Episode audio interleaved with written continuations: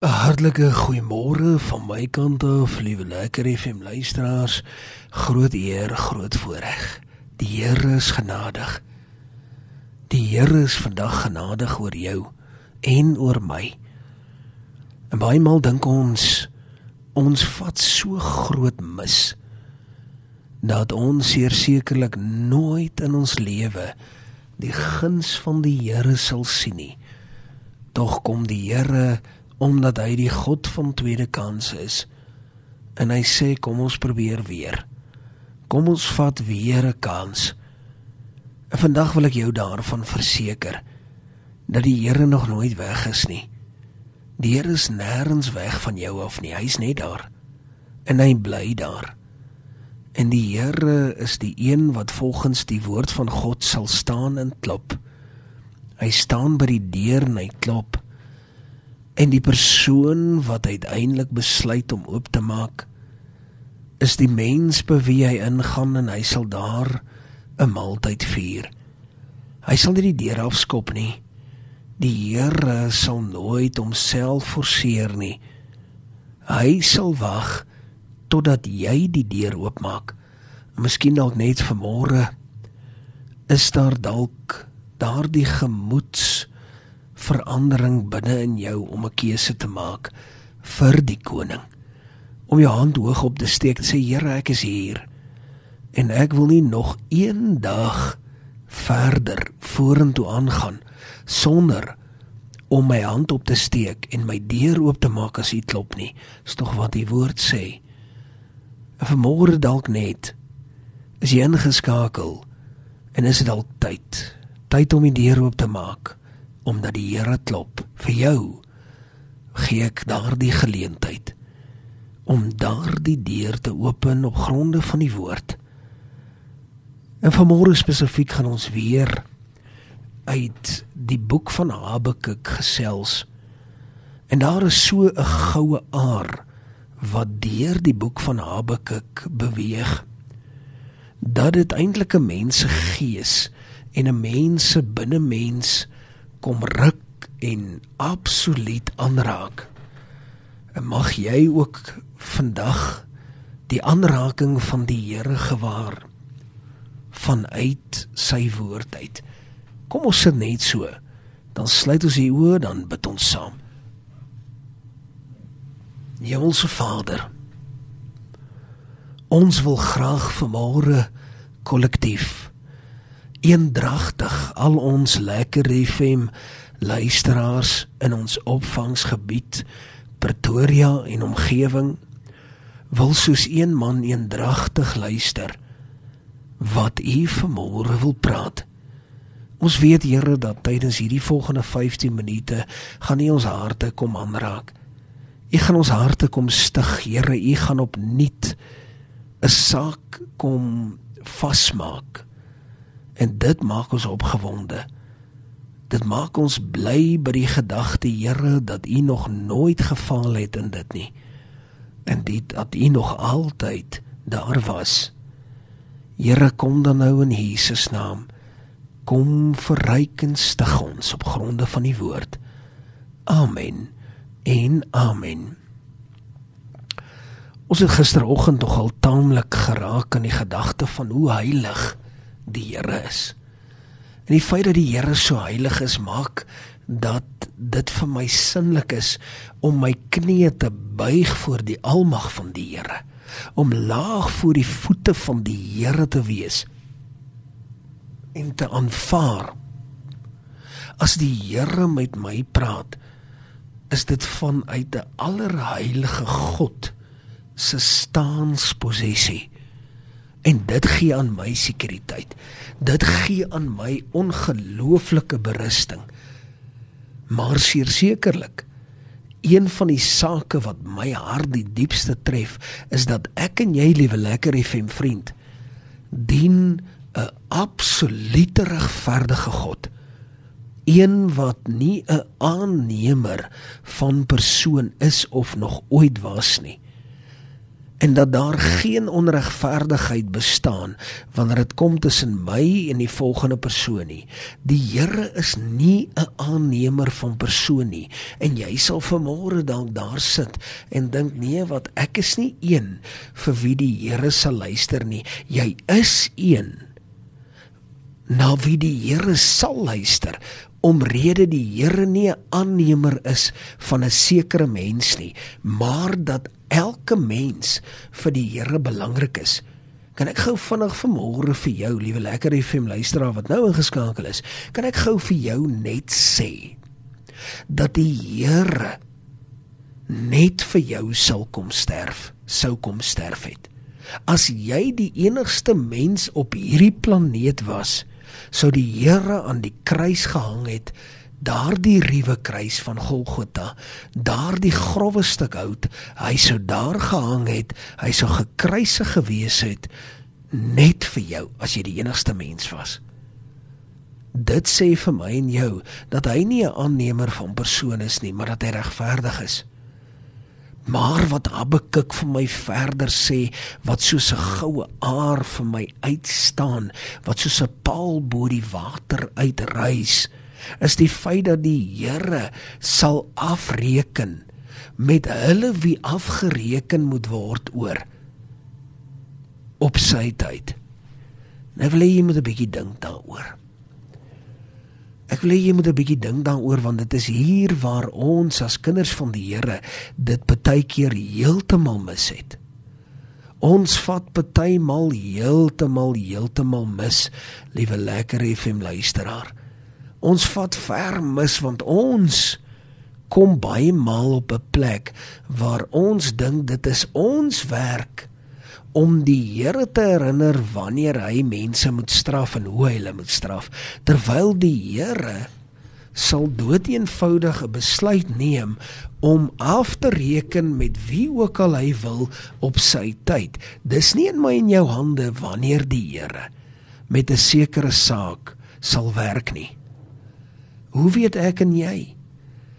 En tog so maklik wil ons kom en wil ons tog nou maar 'n oordeel kom staan en vel. Jy het dit al gesien. Ek het al so baie gesien. Ek sien dit daagliks. En dan is daar so 'n kriewelrigheid wat so hier van onder op my rug na boontoe beweeg. Dis asof daar rooi mure op my rug rondloop as ek sien dat mense dit so doen. Ons moenie dit so doen nie liewe lekker FM luisteraar, nooit moet ons dink ons kan die Here voorskryf dat ons die polisie is wat moet sê dit moet so gebeur of so. Ons arresteer niemand in 'n geestelike hoedanigheid nie. Die Here sal besluit. Ek en jy wat die Here se regverdige is. Ek en jy wat sy kinders is, sal doeteenvoudig wag totdat die Here se doel vervul is. En ek weet soms veral vir 'n paar van ons wat bitter bitter ongeduldig is, is dit miskien een van die moeilikste dinge om te verstaan. Dat dat ons dalk moet wag vir die Here se plan om in werking te tree, maar ons behoort dit te doen want dis hoe die Here dit wil hê. En die vraag bestaan altyd, wat wil die Here hê? Wat is sy wil? Nie 'n mens se wil of iemand anders se wil of my broer of my swaar of my suster se wil nie. Wat is die Here se wil? Die Here se wil is uiteindelik die heel belangrikste wat tot vervulling moet kom. Nie wanneer ek dink iets moet gebeur nie. Al sien ek dalk met my eie oë dat hier iets groots gebeur het ek het nie nodig om die Here te gaan herinner daaraan nie. Die Here weet dit. Ek weet mos die Here is mos almagtig alomteenwoordig. Hy's alwetend hy weet dit mos Ek hoef mos nou nie die Here te gaan herinner aan 'n sekere ding wat die een of ander persoon dalk verkeerd gedoen het nie. Dit sal doeteenvoudig van my 'n absolute gek maak. Ons moet eerder konsentreer op wie ons is, nie op iem of wat iemand anderste is nie. Dit is mos nou presies van die woord duidelik vir ons tot verstaanbaarheid geroep word waar die Here duidelik sê dat sien eerder die balk in jou eie oog voordat jy die splintertjie in 'n ander se oë gaan raak sien. Baie mense dink dat dit beteken dat ek moet eers sorg dat my eie lewe reg is, dan kan ek vir ander mense verduidelik hoe hulle hulle lewe moet lewe. Nee nee nee, eintlik wat die woord daar sê is dat jy nooit in 'n posisie sal wees ooit, maar ooit in jou lewe om te dink jy kan oordeel vel op ander mense nie. Nee, dis wat dit beteken want jy sal nie jou balk kan uithaal en dan die splintertjie kan uithaal nie. Die balk in jou oog is iets wat altyd die probleem is omdat jy in 'n glashuis woon. En dit maak van my en jou mense wat dan nederig is, mense wat sagmoedig is, mense wat vergewe 70 maal 70 keer. Dit beteken Here, U is die God van tweede kansse. Dat ek nie sal kom en kom dink ek weet beter nie. Ek weet nie beter nie. En liewe lekker FM vriende, as jy vanmôre hierdie woorde hoor, is dit so belangrik want dit sal vir jou definitief opbring na 'n volgende vlak toe. Dit sal jou opbring na 'n volgende vlak in jou lewe as jy kan vrede maak in jou binnemens. Daardie binne in jou binnemens om te weet, laat die Here die saak hanteer. Moenie laat ek my kop breek oor wat ander se sonde is nie. Kom ek fokus op my eie sake. Kom ek wees net lief vir ander kom ek wees wat die Here wil hê ek moet wees. Ek moet die vrug van die Gees teenoor ander mense wees. En wanneer die liefde van Christus en die reuk en die lieflikheid en die loflikheid deur my ervaar word as ander mense dit eers kan smaak daardie vrugte dit sal die verskil maak laat ons daardeur bemoedig word En ek wil graag vir jou sê, weer eens hier hier uit Habakuk uit bring hy hom vir my so mooi bymekaar. Jy weet die Here se goedheid kan gesien word letterlik selfs in die slegste omstandighede. Die Here se goedheid kan gesien word as ek nou maar net weer daar in Joshua gaan kyk na die lys van oorwinnings. Jy weet jy daar gaan lees hoeveel koninkryke en hoeveel konings die Here uiteindelik in die hande van Israel gegee het 31 Ek meen in die slegste omstandighede het die oorwinnings gekom. En ja, is daar tone wat gebreek is. Ja, daar is, is daar hande en arms wat gebreek is, is daar ribbekaste, is daar allerlei wonde wat toegedien is. Ja, is daar tone wat af is en vingers wat af is. Ja, is daar voete wat afgekap is en seer gekry het. Ja, is daar skade? Ja, daar is, maar die oorwinnings is daar.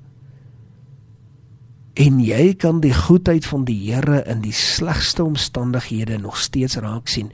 Jy moet net kies om dit raak te sien. En ek wil jou aanbeveel. Ek wil vandag vir jou sê, maak 'n keuse. Besluit vandag sommer maar net as 'n in 'n beginsel. Besluit omdat jy wil besluit. Here, Here, ek gaan vandag besluit om dit nou anders te, te sien. Om dit neer te skryf en te sien wie U eintlik vir my is.